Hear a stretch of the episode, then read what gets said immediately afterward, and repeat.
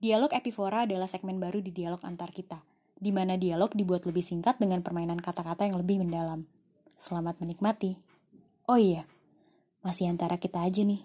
Jangan bilang-bilang ya.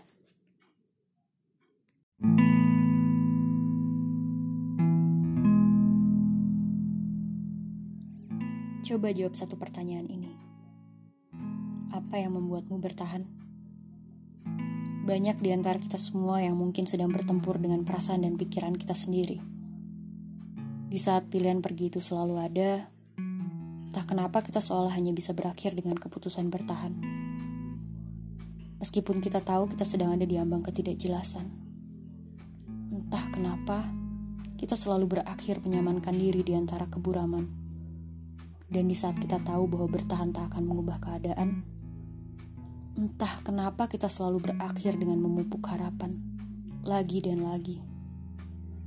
Apa karena genggaman tangan erat yang lalu renggang lepas kembali lekat kemudian terlepas lagi?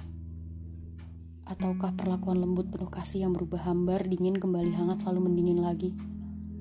Atau mungkin teduh perhatian yang lalu leleh hanyut hilang kemudian kembali teduh lagi? Sebagai manusia kita seolah tak bisa menghindarkan diri dari kerentanan kita menjadi pseudomasokis. Membiarkan diri dan hati terus-menerus digerus padahal tak selamanya harus. Kita bahkan tahu, hati yang terlalu sering di tempat tak selamanya akan tumbuh menjadi hati yang kuat.